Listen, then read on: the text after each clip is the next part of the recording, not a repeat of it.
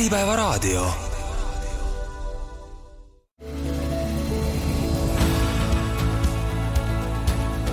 juhtimisaudit. tere taas, olete saate juhtimisaudit lainel. täna räägime sellest, kuidas läbi mõtlemispsühholoogia juhtimiskvaliteeti arendada ja oma meeskonda toetada mina olen saatejuht Helen Klettenberg ja mul on hea meel tervitada minu tänast vestluskaaslast, kelleks on meeskonna ja juhtimiskoolitaja, aga ka psühholoog Andero Teras. tere, Andero! tere! juhtimisoskused äh, ulatuvad strateegilisest planeerimisest ja probleemide lahendamisest kuni avatud suhtlemise ja motiveerimisteemadeni välja. ehk juhi töölaud on igapäevaselt väga mitmekesine millised on need top kolm juhtimisega seotud mured või väljakutsed, millele juhid sinu kaudu lahendusi täna otsivad mm? -hmm võib-olla ma selle top kolme isegi lahendaks nõnda, et vaataks erinevate tasandite juhte, et võib-olla seal esmatasandi juhtidel ikka seesama läbiv probleem on see, et ma näen, et töötajal on raske, ma näen, et seal võib olla mingisugune läbipõlemissümptomaatika, aga kuidas ma lähenen sellele teemale nii, et see oleks delikaatne, samas aga siiski nagu noh, selge sõnumiga, et, et midagi võiks muuta Äh, kui me liigume võib-olla sinna kesktasandi juhi poole, siis äh, seal on nagu seda, ütleme, juhtimispagasit, kogemust, aega nagu rohkem olnud, et seal nagu on see läbiv teema selles, et tead, ma olen siin kakskümmend aastat erinevatel juhtimiskoolitustel osalenud, aga ikka niipea, kui praktikasse lähen, siis hea teooria seal ei kipu töötama, et äh, on sul midagi pakkuda. ja noh, seal me siis hakkamegi vaatama, on see muutuste juhtimine või, või, või inimeste juhtimine, et, et noh, miks see inimene siis niimoodi reageerib ja seal on nagu päris palju ahhaa-momente. ja võib-olla kolmanda tasandina ma võtaksin siis need noh, ütleme nagu mega suure kaliibriga juhid, kellel on juba rahvusvaheline haare, et neil nagu probleeme ei ole. Nendel on nagu selline ütleme, võib-olla heas mõttes positiivne üleolek, et no mida sul on sel teemal rääkida. ja vot seal me läheme siis nagu noh, niimoodi tehnilistesse teemadesse, et, et seal me nagu loome võib-olla selliseid noh, kui tohib nii nimetada, siis strateegilisi teadmisi, et, et kuidas nad üldse oma äri mõtestavad, kas nad üldse teavad, kuidas, ma ei tea, mingisugused süsteemid tagatubades töötavad, et noh, näiteks IT-s on IT-arhitektid, kes teavad seda süsteemi, aga kas mina nagu laia haardega juhina tean üldse, kuidas minu, ütleme siis inimestega seotud protsessid, miks nad on nii üles ehitatud, kuidas seda neuroteadus toetab ja tavaliselt need juhid jah, selles mõttes heas mõttes nad ei tahagi saada mingeid tööriistu, nad on lihtsalt nii suured juhid, et nad tahavad asjadest aru saada. ja vot see pakub neile nagu seda vaimutoitu ja see võib-olla inspireerib lõpuks ka tagasi sinna allapoole, et, et, et asjad nagu on kuidagi lahendatud ja, ja selged. jah, need kaks esimest teemat, need tundusid sellised nii-öelda mida ma oleks eeldanud, et äh, laual on, aga see kolmas, et äh, suurtel juhtidel ehk muresid ei olegi, et äh, see on niisugune veidi üllatav, aga samas mm, eks on nagu on. Ehm, rääkisime siin erinevate tasandite juhtidest, et küsin siis kohe ka sellise suure küsimuse ära, et milline on üldse üks hea juht, et millised on hea juhi võtmeomandused ja oskused sinu arvates? Ma arvan, et see on nagu selline küsimus, et kellel oleks üldse nagu õigust seda väljastpoolt öelda, et, et, et kui siis üldse kuidagi sellele läheneda, siis ma arvan, et hea juht on see, kes liiga palju ei aja ennast hulluks selle küsimusega, et meil ei ole mõtet nagu tekitada ka mingit müstilist monstrumit, et kusagil on hea juht ja ma ei ole veel sinna jõudnud ja samas ma ka nagu ei tea, kuidas sinna jõuda. et ma arvan, et hea juht on see, kes oskab piisavalt hästi iseendaga hakkama saada, ta mõistab, teatud põhimõtteid, miks inimene nii mõtleb, äh, nagu ta mõtleb, et iga kaasamine asutuses ei ole tegelikult kaasamine, vaid minu enda suutmatus teha konkreetseid otsuseid, teha häid otsuseid, et minust allpool või ülevalpool olevatel inimestel oleks edasi võimalik toimetada et üldiselt noh, jah, juht, eks ta on ikka tavaline inimene nagu tema spetsialist, igaüks võiks lihtsalt nagu mõista natukene emotsioonide psühholoogiast, natuke sellest, mis meie mõttetöös toimub, meie käitumismotiivid. kui ma selle oskan niimoodi rahulikult enda jaoks puslena kokku panna, siis mulle tundub, et me lihtsalt funktsioneerumegi seal, kus siis kas meie elutee on meid viinud või me ise oleme tahtnud ole, olles juht või spetsialist või, või kes iganes jaa, äh, see on väga hästi lahti öeldud, eriti see osa, et ei pea nii-öelda stressama selle pärast, kas ma nüüd olen piisavalt hea juht mm, -hmm. et äh, ma ise olen ka enda jaoks proovinud seda teemat selliselt lahti mõtestada, et äh, sa oled hea juht juba siis, kui sa teadvustad enda jaoks mingisuguseid vajakajäämisi ja sa oskad, tahad nendega edasi tegeleda jaa, see on tegelikult väga huvitav point, mis sa ütlesid, et üks teema, mida ma mõnikord hästi harva küll sisse toon, on ka täpselt needsamad hoiakud ja stereotüübid. ja noh, tavaliselt ikka öeldakse, et oi, et noh, ma ei tea, et mul küll vanuse suhtes või rassi suhtes mingeid hoiakuid ei ole, aga siis me teeme seal väikse lihtsa testi ja tuleb välja, et no ikka tegelikult on küll, on ju. ja vot siis üks juht mulle ütles tõesti, et tema juhina hakkas siis eriti hästi arenema, kui ta tegi endale selgeks, et see, et mul on hoiakud ja stereotüübid, ei tähenda, et ma halb inimene olen. Need ongi, halb olen ma võib-olla siis, kui ma nendega ei arvesta ja siis kuidagi hakkan tead otsuseid tegema. et jah, see teadlikkus, et mul on ups and downs ja, ja, ja nõrgad ja tugevad küljed võimaldab mul lihtsalt hoida kätt pulsil ja hoida tasakaalus. ja just. ja öeldakse ikka, et meeskond on juhi peegel üks minu eelnev saatekülaline on ka tabavalt öelnud, et ehm, organisatsioon on täpselt nii tugev, kui on selle juht. seega üks oluline teema, mida ka täna avada, on juhi emotsionaalne intelligentsus, mis ka siit juba taustalt eh, põgusalt läbi käis. Ehm, mida selle all mõista mm, nii-öelda juhi siis emotsionaalse intelligentsuse all ja kuidas see mõjutab meeskonna tulemuslikkust? Aa, vot see on hea küsimus, selles mõttes, et nüüd tuleks nagu saada aru, et kes meie kuulajad on.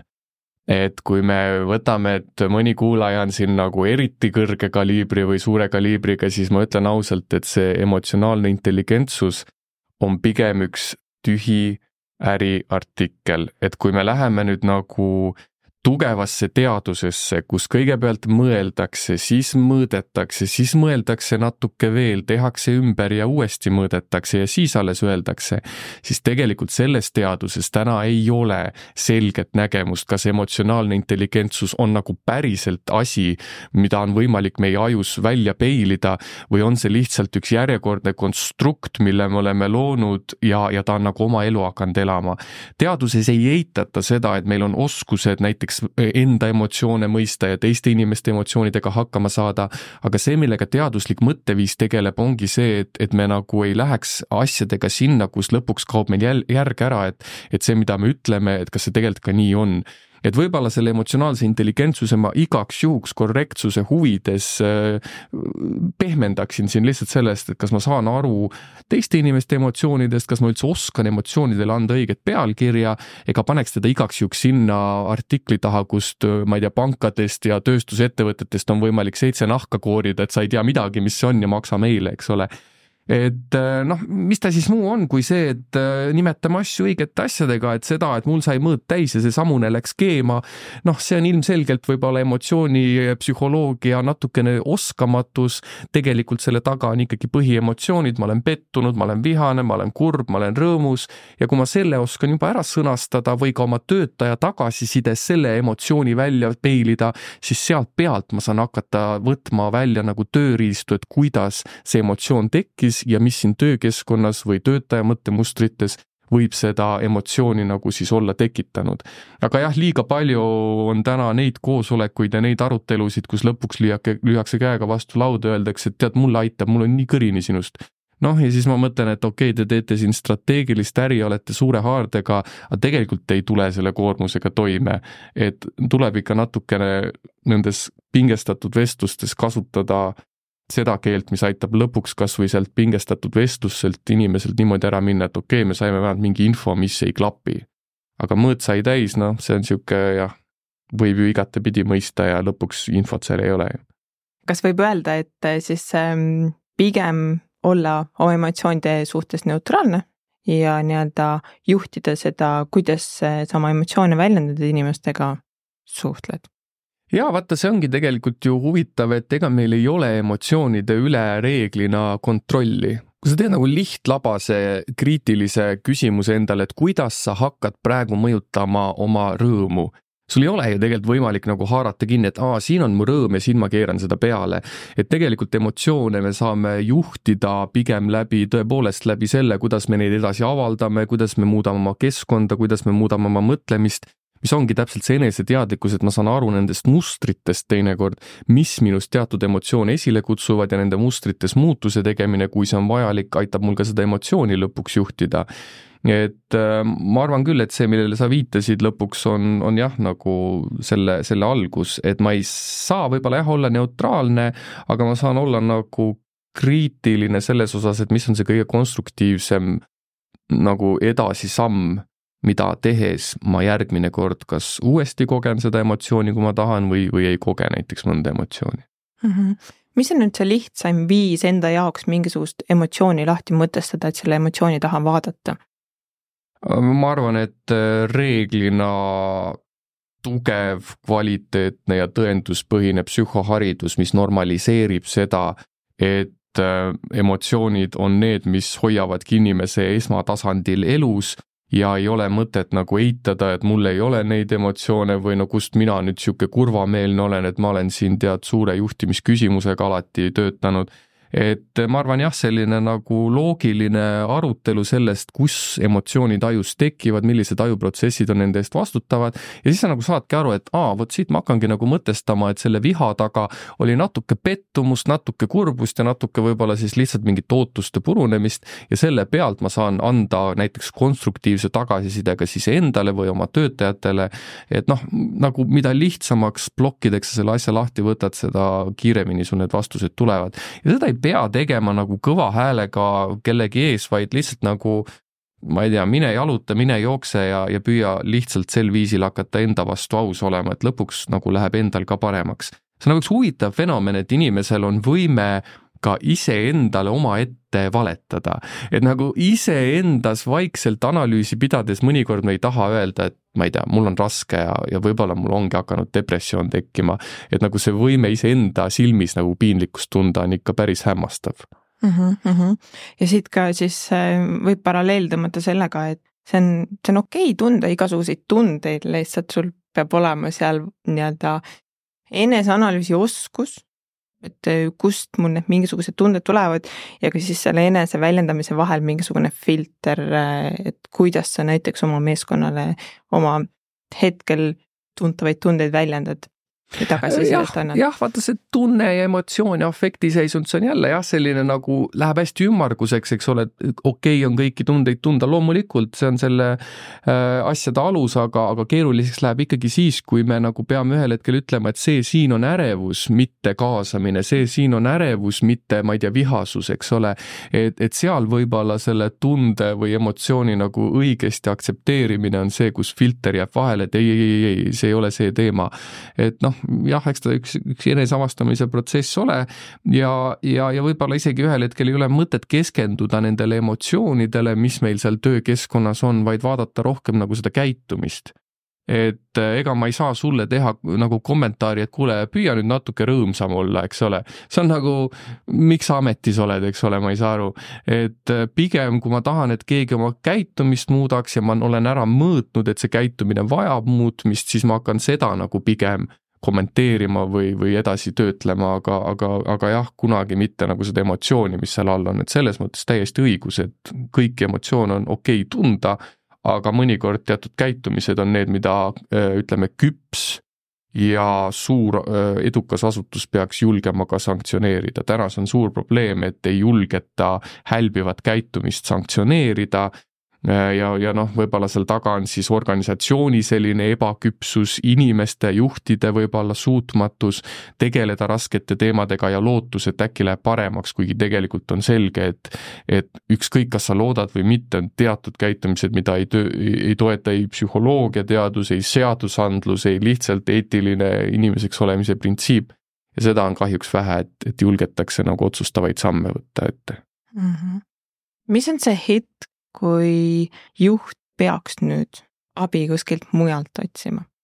Ma, ma nagu ei tahagi võib-olla öelda, et näed, et tule hangi abi emotsioonide väljendamise osas, vaid, vaid ütleme, olenevalt juhist tuleb nagu otsida või hankida see krediit, et üldse sellest teemast hakata rääkima. et, et tüüpiliselt nagu need emotsioonid ei pruugigi olla see esimene küsimus, millele hakata tähelepanu pöörama, vaid just see, et aga miks minu aju reageerib niimoodi, nagu ta reageerib, et see teadlikkus, see neuroteadus sinna taha ehitada ja siis siis võib-olla inimene nagu ise saabki aru, et okei okay,, et siin ma saangi selle muutuse teha. kuna see hetk on noh, valusad kogemused on muidugi need, kui, kui need vitsad äh, niimoodi peale lüüakse, et langetakse töövõimetuslehele, sundolukorras äh, vahetatakse juht välja, lokeeritakse ta ümber, et noh, siis inimene hakkab nagu jääma maha või, või iseendasse ei saa aru ja siis ta hangib seda abi. mõnikord tasub äh, natuke adekvaatsemalt otsa vaadata ka tagasisidele, mis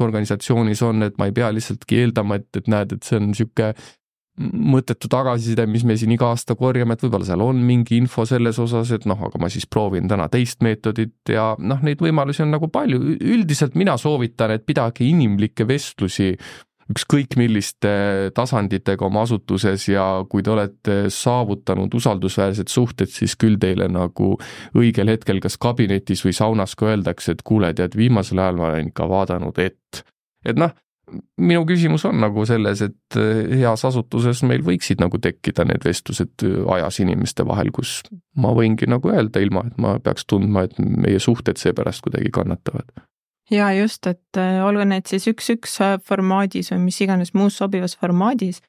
aga eks seal on oluline ka see, et kuidas ollakse valmis seda tagasisidet mm -hmm. vastu võtma, et mm -hmm. et ega igaüks ei suuda sellist nii-öelda ka kriitilist tagasisidet mm -hmm. vastu võtta mm. -hmm ja vaata, see ongi nagu see koht, kus äh, võib-olla mida kõrgemale sa juhtimistasandil lähed, seda rohkem nagu võib-olla eitatakse, et noh, probleeme ei ole, meil on suured teemad, millega tegeleme ja, ja, ja te, te, teeme, on ju. aga tegelikult jah, võib-olla see, et ma mõnikord pean ütlema, et olenemata sellest, et ma teen suuri juhtimisotsuseid, ei pruugi ma inimeste juhtimisega äh, väga hästi toime tulla ja siin on põhjust endale öelda, et aga miks ma siis paljudest teemadest üle sõidan. ja see asi mulle meenus ka, kui sa ütlesid, et kuna siis seda abi küsida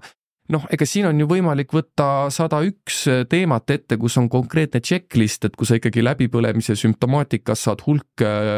hulk sümptomeid kirja, siis ilmselgelt on sul ka võib-olla probleeme juba teatud afektiseisunditega, sest läbipõlemisega kaasneb tegelikult närvilisus, võib-olla ärevus, enesesüüdistused, aga tüüpiliselt vot seda kategoriseeritakse nagu muusse kohta, et no praegu ongi pingeline aeg, tead, elu ongi raske, mis siin ikka naeratada. Ja tegelikult noh, nii võibki olla, et praegu on pingeline aeg, aga karjuv probleem siin all on see, et läbipõlemise sümptomaatika on sul nagu tšekk, tšekk, tšekk, eks ole, et vaata, et sa järgmist kolme ka ei saa. või noh, me võime seal, eks ole, ravimanuaalis äh, sisse minna ja vaadata, eks ole, mis kõik on võimalik endale siis äh, sümptomaatikana juurde äh,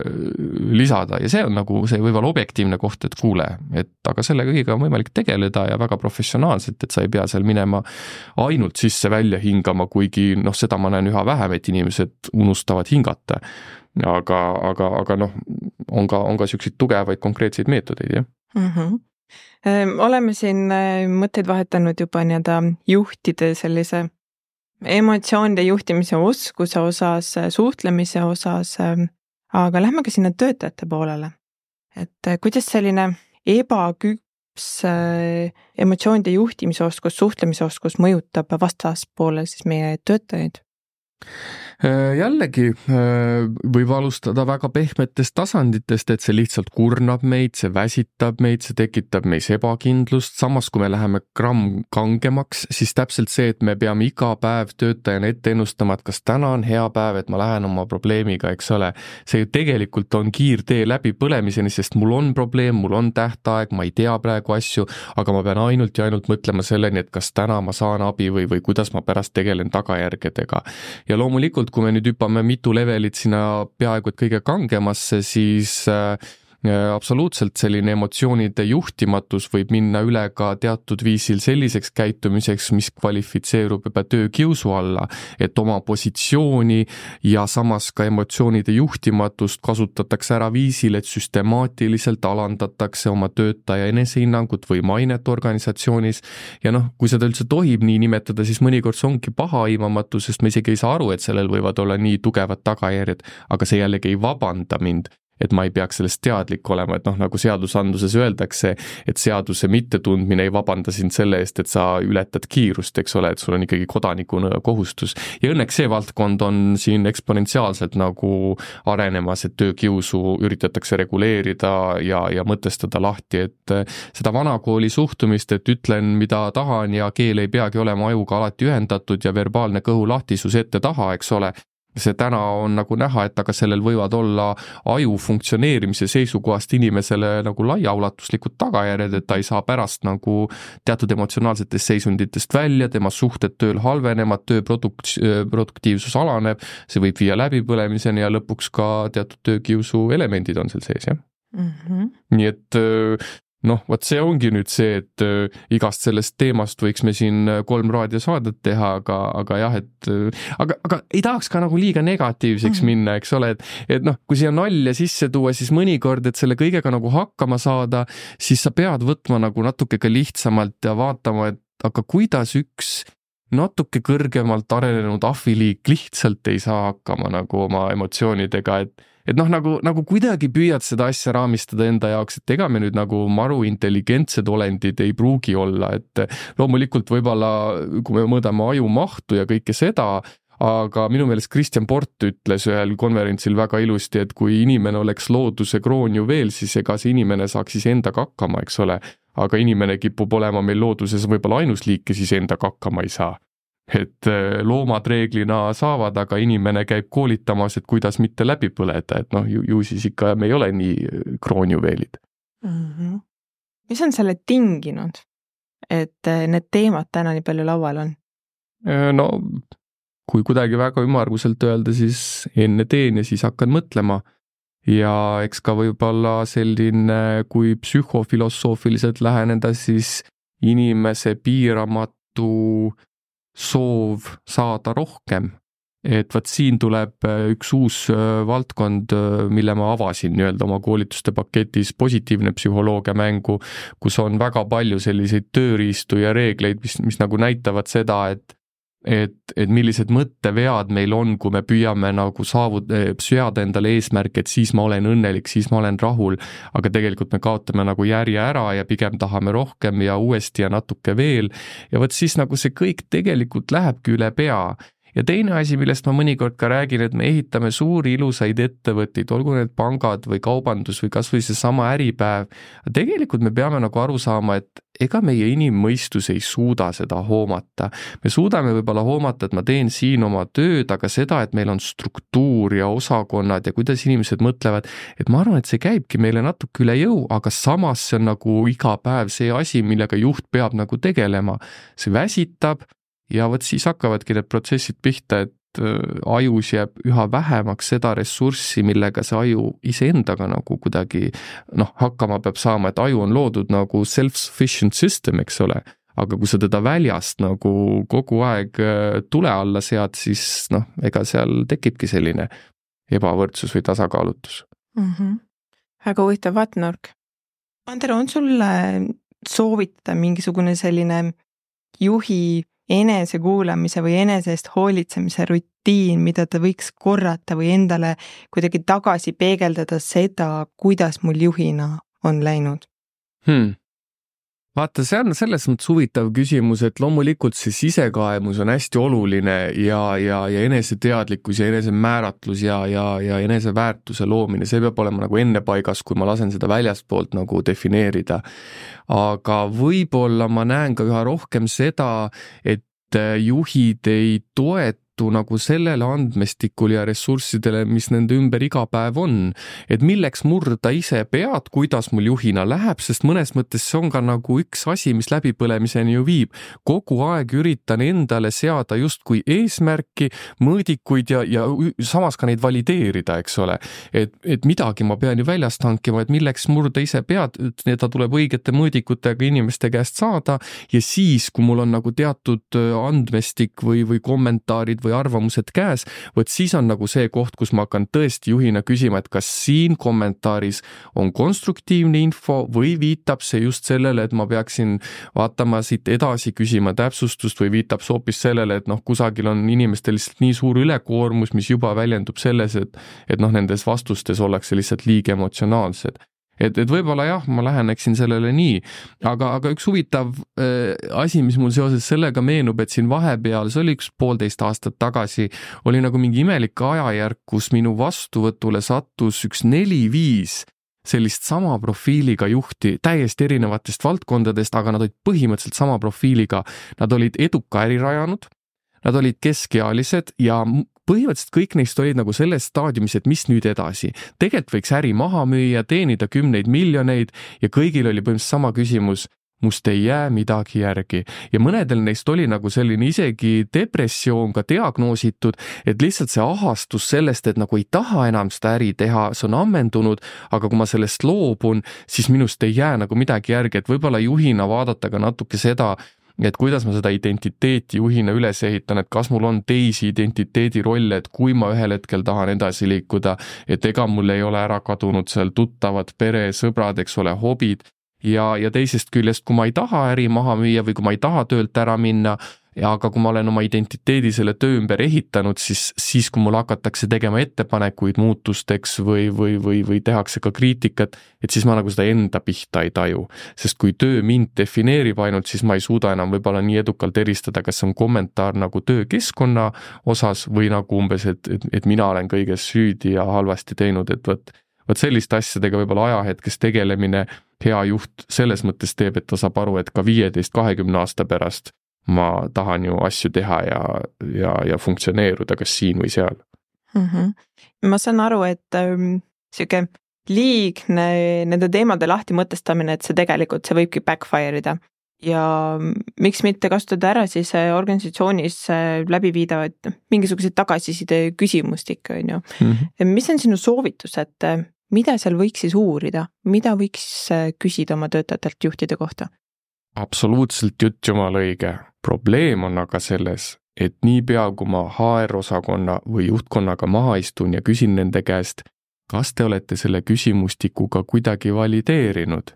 kas te olete oma andmed lasknud läbi statistikaprogrammidest, näiteks teostanud faktoranalüüsi, et te tahate siin mõõta seitset suurt kategooriat, teil on kokku sada kümme küsimust. Kas te arvate, et need seitse kategooriat on teie arvates õiged või toetab ka seda statistiline analüüs? ja vot seda seal taga ei ole ja nüüd ongi nagu see küsimus, et aga miks me siin üldse juttu edasi jätkame. et see küsimustik võib olla sada protsenti hästi juba täppi läinud, aga võib-olla statistika näitab nagu selle koha kätte, et kui me võtame siit selle küsimuse välja ja tolle küsimuse ka, siis me saame alles selle äh, patarei, mis nagu mõõdab ka seda, mis ta mõõtma peab nii et ennekõike ma näen täna karjuvat probleemi selles, et uhked küsimustikud on äh, PDF-idena kusagil,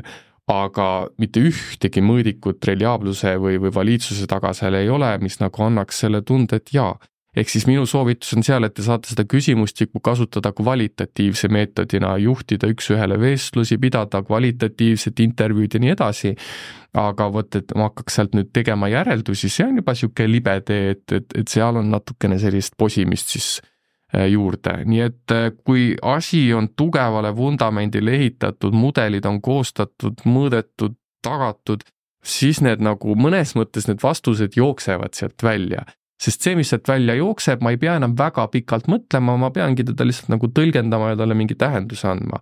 aga, aga jah, no tähendab, sa võid selle küsimuse isegi mu käest uuesti küsida, sest, sest ilmselt kuulaja ootab nagu ikkagi mingit muud vastust, et, et proovime sellele siis anda ka teise raundi vastuse. tegelikult see tausta lahti mõtestamine siinjuures, äh, ma usun, et oli väärtusloov ja selge on see, et äh, neid küsimustikke, olgu see siis aastane rahulolu küsitlus, mida organisatsioonis läbi viiakse, et küsimused peavad olema lahti mõtestatud, et miks me neid küsime. on sul mõni soovitus, mida võiks juhi kohta küsida? väga tihti on see, et pannakse sisse lihtsalt küsimus, et kuidas oled rahul oma juhiga, hinda seda viie punkti skaalal mm. -hmm. kas selline lähenemine annab täna midagi või mm? -hmm tegelikult nagu ma siin ka ühel konverentsil mainisin ja hiljuti ühe väga-väga äh, toreda juhiga seda vestlust pidasin, et ka neil oli küsimus sees stiilis, et äh, kuidas sa hindad oma juhi oskust anda sulle tagasisidet või märgata siin midagi sellist. Ja noh, küsimus nagu ilus, aga siis nad hakkasid nagu omakeskis arutama, et mida keegi meist nagu tagasiside või märkamise all nagu silmas peab ja tegelikult nad ise said aru, et ühe jaoks tähendas see seda, et mul olekski vaja, et juht tuleks minu juurde nädalas mitu korda, annaks mulle sellist positiivset vibe'i, motiveeriks mind, et see on minu jaoks oluline. ja teine inimene ütles nagu teise äärmuse, et ei, et aga milleks, et, et mulle nagu piisab sellest, kui juht nagu kord kahe nädala jooksul tuleb ja ütleb mulle, et et kuule, et kas sa püsid nagu asjadega joonel või on siin midagi, mis ma saan sulle nagu lisaks pakkuda. et noh, täpselt, eks ole, et vahet nagu mõnes mõttes ei ole mida me küsime, vaid, vaid kuidas me sellest siis nagu õigesti aru saame? Ja, ja võib-olla jah, siin, kui on väike organisatsioon, siis mina pigem soovitan kvalitatiivseid analüüsimeetodeid, aga jah, kui meil on suured organisatsioonid, siis siis küsimustikud on paratamatud ja nad on väga usaldusväärsed meetodid, aga, aga jah, et kui te teete strateegilist äri, siis ja, ja tõlgite kõiki muid protsesse numbritesse, siis ka seda inimpsüühikat, sellega tänane psühholoogiateadus tegelebki, et seda tõlkida numbritesse ja sealt tagasi siis praktikasse nii-öelda mm. -hmm me oleme väga palju rääkinud juhi eh, oskustest, eh, vaatame rohkem ka sinna töötajate poole peale, et ehm, et ei ole ju ainult juhtidel eh, nii-öelda oma emotsioonide juhtimisel või suhtlemisel vajakajäämis ja seda on ka nii-öelda spetsialistide tasandil, kus ka väga palju tuleb näiteks teemaks seda, kas töötaja suhtumine on õige, et, et on ju tegelikult niisuguseid nii-öelda ka töötajaid, kellel on ehk mingisugune negatiivne hoiak tekkinud, olgu see siis mm -hmm. oma juhi osas, eh, töökeskkonna osas, kaastöötaja osas mm, -hmm. mis iganes muutuse osas. Kuidas seda endale lahti mõtestada, kuidas niisuguste negatiivsete käitumismustritega üldse tegeleda um,? et sellest mitte liiga leili minna siis ikkagi kõigepealt on see teema, et sa saad aru, kas sina oled teinud asju halvasti, valesti, kuidagi kehvasti, mis on sinu eneseväärtus juhina, kui sa need asjad paika saad, siis sul tekib kõigepealt see puhver. Et nüüd ma sain aru, et siin on kas emotsioon või tunne, kuidas siit edasi liikuda. tänad oma töötajat tunde ja emotsiooni ja kõige muu eest ja liigutad selle vestluse ikkagi sinna, kus sa nii kaua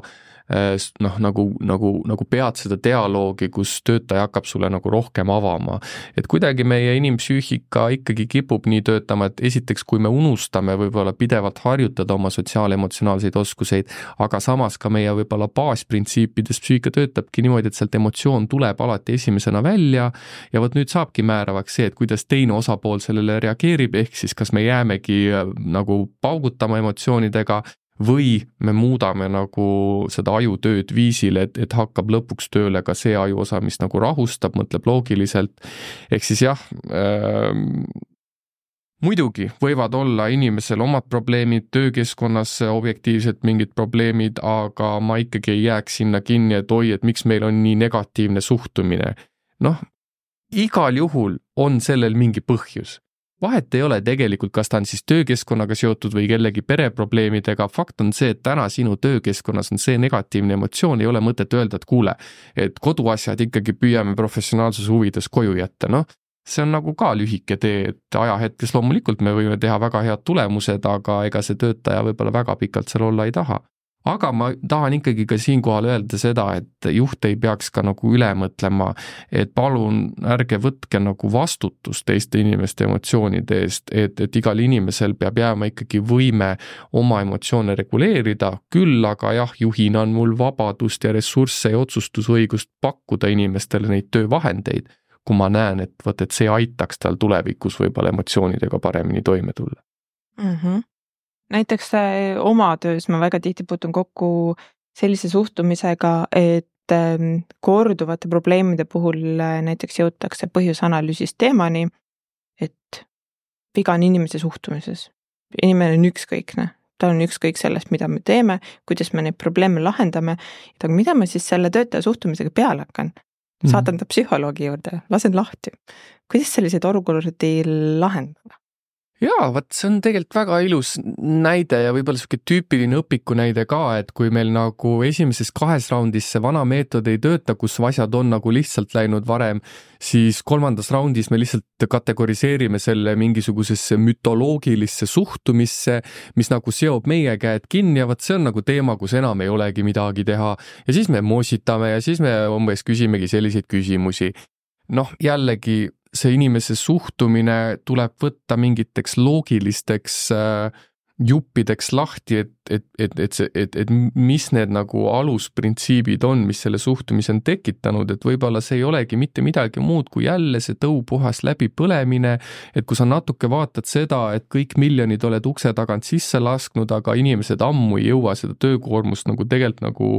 ära teha, siis see suhtumine tekibki, eks ole et, et noh, jällegi nagu loo-, loogiline Tetrise mäng peab seal nagu lõpuks välja tulema, et, et, et, et ärme püüa jääda kinni sellesse, et mida ma inimese suhtumisega teen. et loomulikult see suhtumine on probleem, aga muuta saad sa ikkagi asju, mis selleni on viinud. aga jah, vaata, see ongi nüüd see, et suhtumist kohe muuta, see tagaks nagu kohe jolly day ja lähme edasi, aga noh, see on niisugune nagu superficial ja natuke nagu tehislik aga pikamas perspektiivis ma arvan, et see on ka nagu organisatsiooni arengu koht, et ta saab kätte süstemaatilised vead. et ma arvan, et iga sellise inimese suhtumise olemasolu võiks heale juhile olla nagu niisugune njämm-njämm-njämm magus koht, et lõpuks ometi on mul ka nagu midagi, millega tulevikus organisatsiooni tugevamaks muuta aga noh, võib-olla niisuguse konkreetsema tööriistana noh, ammustest aegadest on räägitud seda, mis igalühel on pea kolu sisse kulunud, et see sisemine ja väline kontrollkese, eks ole, aga, aga ma arvan, et selle taga ei tasu nagu näha seda printsiipi jälle, et ma, et ma hakkan juhina nagu inimesi umbes pseudomotiveerima sellega, et leia oma sisemine kirg ja vii asjad sisemisse kontrollkeskmesse, vaid ma püüan nagu kõigepealt aru saada, et milline on selle inimese ajalugu olnud, et kuidas üldse tekib väline kontrollkese. et ka seal, kui sa pakud inimesele teadlikkust, et miks ta täna lükkab nagu oma heaolu, õnnestumised, stressi alandamisvõime nagu välistesse teguritesse, et või võib-olla sellel on nagu lihtsalt üks süstemaatiline kujunemislugu, teadlikkuse tõstmine sellest aitab inimesel aru saada, et haa, aga kui ma nagu tõesti mõtlen selle peale, et ma toon need asjad nagu sisemisse kontrollkeskmesse, siis ma ei pruugi saavutada kõiki neid asju endiselt, aga ma elan nagu vähemalt seda elu, mis ma tunnen, et on, on rohkem minu kontrolli all. Ja vot sealt hakkab natuke ka see suhtumine muutuma, et mõnikord ongi töös asjad, mis meile ei meeldi, aga vähemalt ma saan aru, et noh, ega ma neid ka nagu muuta ei saa ja samas ma saan parimal juhul vaadata, et, et mida mina nendest arvan. olge selles mõttes tähelepanelikud, keda ja kuidas te motiveerida tahate. palun ärge motiveerige oma töötajaid viisile, et kui sa tuled tööle, leia see sisemine kirg, et sellega sa teed oma töö huvitavaks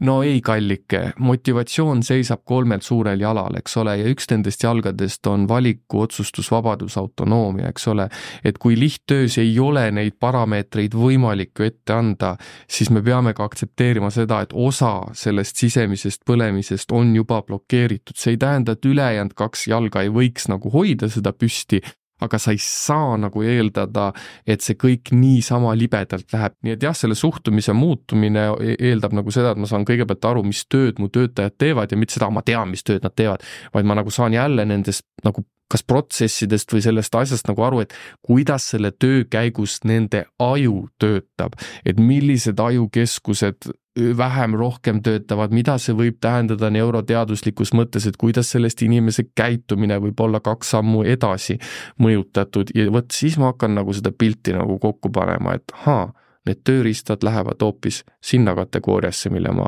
peaksin looma mm. -hmm. jõudsime siit hästi ka motivatsiooni teemadeni ehk siis äh, need erinevad motivatsioonipaketid, mida siis töötajatele organisatsioonides pakutakse. üks kindlasti on ka erinevad äh, rahalised äh, toetused, mis sa nendest arvad? kas need täna töötavad või töötajatel ikkagi on suuremad ootused? Äh, kindlasti töötavad, selles mõttes, et äh, tänane positiivne psühholoogia on oma, oma nagu valemitesse konkreetselt sisse lülitanud materiaalse turvatunde kui ühe heaolu alustala, sest kui sul on inflatsioon või sa poest ei jõua endale süüa osta, siis ei ole nagu seda tänases keskkonnas võimalik ka väga lõputut rahulolu tunda. aga jah äh,, nagu ma siin ühe transiitettevõttega rääkisin, siis seal juhid ütlesid, et mul töötajad ütlevad, et anna mulle euro viiskümmend tunnis juurde ja ma magan sul kas või lumehanges, eks ole. et tulebki aru saada, et teatud ametipostidel see raha ongi see motivaator, millega sa kogu aeg hoiad rattaid käimas. aga kui sa jõuad juba nii-öelda kontoritöösse, siis tõesti seal noh, sul on need baasvajadused kaetud, sa saad viis sotti juurde võib-olla, aga sa saad aru, et aga mu meeleolu nagu tegelikult ei muutu, et seal sa pead seda hüvede paketti looma juba nagu nagu, nagu mõtestatult, et inimesel on võimalik areneda, luua oma töökeskkonnas mingeid uusi võimalusi iseendale, et ta püsiks seal. ja vot seda sa nagu rahaga ei tee, sest ühel hetkel noh, no IT-ettevõtted teavad väga hästi, viis tuhat eurot palk ja kaadri voolavus on endine, eks ole, et noh, inimesed ei taha nagu teha, nad tahavad, et asjal oleks nagu point ja siis lähevadki head arendajad ära et see peab ikkagi väga tundma, kas seda ametipositsiooni või seda nende inimeste gruppi, kes seal töötab, et mis neid tegelikult motiveerib, et sa võid tegelikult ka backfire ida, kui sa annad mingi mm -hmm. naeruväärse motivatsioonipaketi mm, -hmm. siis töötaja võib mm -hmm. tunda, et aga nii palju sa mind siis mm. väärtustad mm.. ja võib-olla ka laiemalt mõelda, et noh, kui me võtame sedasama IT-ettevõtte näite, et loomulikult meil on omad tooted, mida me teeme, aga kui me ei taha kaotada seda arendajat, kes on meie vaieldamatult hea ekspert, siis me peame natukene muutma ka seal asutuses nagu seda protsessi, et me avame võimaluse asutuses siseselt tegeleda natukene nagu, nagu muude asjadega, et see arendaja jääks motiveerituks, et ta saab nagu toota endale sinna kõrvale midagi no kõige hullem on see, kui IT-ettevõte üle ostetakse ja temast saab riiulifirma vot siis jookseb see asutus kohe tühjaks, sest nüüd on nagu selge, et me hakkame tootma lihtsalt mingeid plokke ja tegelikult me isegi ei tea, kas neid kasutatakse kunagi, ehk siis vot see tähendus nagu kaob ära, jah mm. -hmm. me oleme rääkinud äh, nii-öelda positiivsetest suhtumistest, negatiivsetest suhtumistest, et äh, täna organisatsioonid on igasugustes muutuste tuultes, et see ärikeskkond on äärmiselt dünaamiline ja olgu siis mingisugused innovatsioonitrendid, muud arengutrendid, mis toovad igasuguseid uusi teemasid lauale, olgu selleks jätkusuutlikkuse suurendamine, mitmekesisuse suurendamine. kuidas julgustada sellist positiivset suhtumist uute ideede vastuvõtmisel? mm,? vot siin me jõuame võib-olla nende minu eriti lemmikteemadeni, mida ma reeglina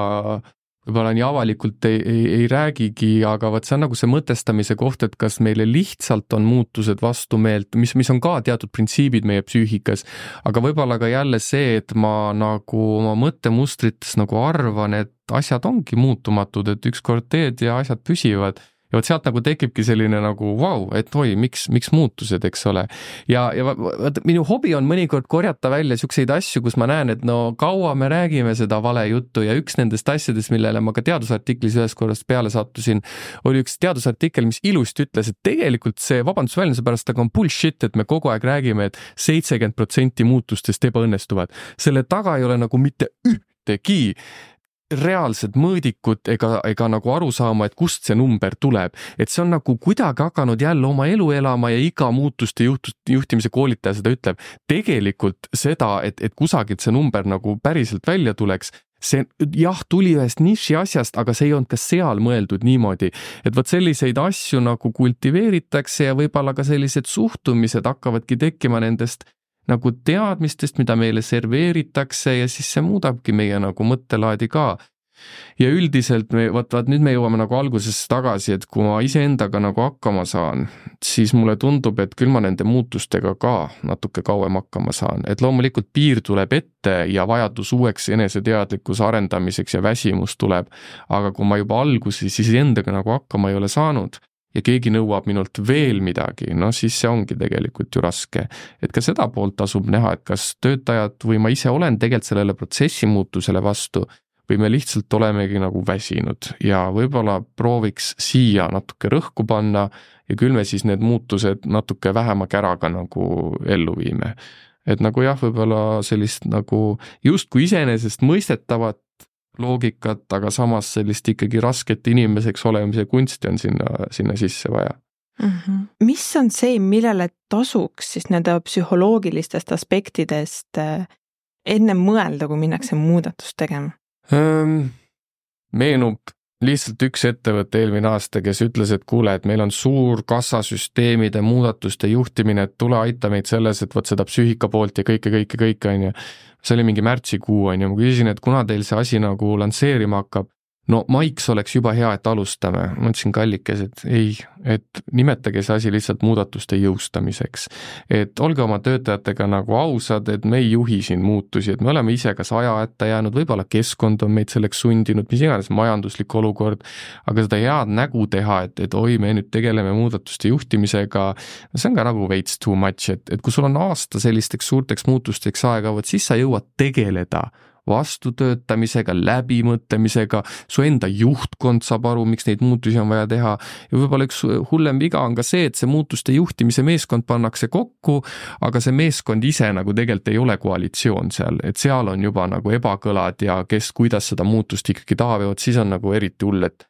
et see meeskond, kes muutuseid peaks nagu toetama, juhtima, see tegelikult ise ka on natukene selline võltskooslus, et noh,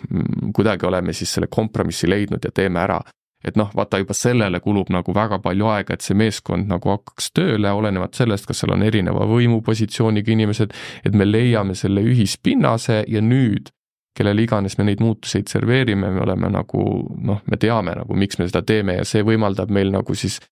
ära hoida ka seda koridori jutu tekkimist ja vale arusaamade tekkimist, et näed, räägivad ühte ja läheb ikka nii, nagu läheb, on ju, et noh, umbes niimoodi ja siis tavaliselt jõutaksegi kolm aastat hiljem, muutused on kõik edukalt jõustatud, aga töötajad on tülis, inimesed on väsinud ja noh, siis hakkavad noh, sellised väiksed probleemid tulema ja, ja, ja kuhugi jääb see protsess lihtsalt hiljem kinni. kõik saab tehtud alguses, aga lõpus on tagajärjed. Nii et noh, vaata, see on nagu jällegi, et ma räägin nagu seda ilusat juttu, kuidas teha, ma saan aru, et tänapäeva maailmas sa pead nagu võib-olla kiiremini reageerima, aga mõnikord ka see, et sa saad lihtsalt aru, et kui ma praegu kiiresti reageerin, siis sellel on tulevikus vähemalt sellised tagajärjed, et, et noh, ei tasu nagu jääda sinna illusiooni, et äkki ei tule noh, parem pane nad nagu endale plaani ja, ja, ja saad nendega kas või jooksvalt siis tegeleda mm. -hmm. jah, üks asi on see, et erinevad muudatused, mis organisatsioonis on, aga seal kõrval tuleb tajuda ka seda, et nendest muudatustest võib töötajatel täielik üleküllastatus olla ja ka seda nii-öelda peab oskama siis vastu võtta mm. -hmm. absoluutselt, jah. Antero, mul on väga hea meel, et sa täna minuga neid teemasid kuulajatele avasid ja me hakkame saatega siin lõppu jõudma. ja enne kui nüüd otsad hästi kokku tõmbame, siis mis on see soovitus või mõni lihtne juhtimistööriist, mida sa meie kuulajatele kaasa tahaksid anda täna? lihtne juhtimistööriist. ahaa, ma tean tegelikult vastust, nüüd on nõnda. sa lähed metsa, sa ei võta sinna telefonikella kaasa, oled seal üheksakümmend minutit, ja vaata, see on nagu see, et ega see juht seal üheksakümmend minutit metsas ta ei jõua olla, tal kahekümne viie minuti pealt on juba, eks ole, suur segadus ja terve päev on möödunud, mis iganes, aga kui ta seal metsas ka üheksakümmend minutit ära on, küll ta siis jõuab rahuneda, settida, sest looduses ei muuda sa enam mitte midagi. juhi igapäevaelu on see, et mina muudan, teen ja korraldan, seal sa ei tee mitte midagi ja seal sa hakkad mõtlema. ja siis sa mõtled, et haa, nii et jah, võtke see aeg lihtsalt nagu lasta oma ajul tegeleda probleemidega, ärge usaldage seda, et kohe, mis sealt välja tuleb, on see minu lahendus, aju vajab aega, et innovatsioon tekitada. ja vot seda ma ütleks mm. -hmm. ehk siis mõtle, mõõda, mõtle ja veel kord mõtle. jah, võib-olla tõesti. Selle mõttega on hea lõpetada, aitäh saate tulemast, aitäh kutse eest! Täna oli juhtimisauditi külaliseks meeskonna ja juhtimiskoolitaja ning psühholoog Andero Teras, kellega rääkisime sellest, kuidas läbimõtlemispsühholoogia juhtimiskvaliteeti lahti mõtestada. mina olen saatejuht Helen Klettenberg, järgmiste huvitavate vestlusteni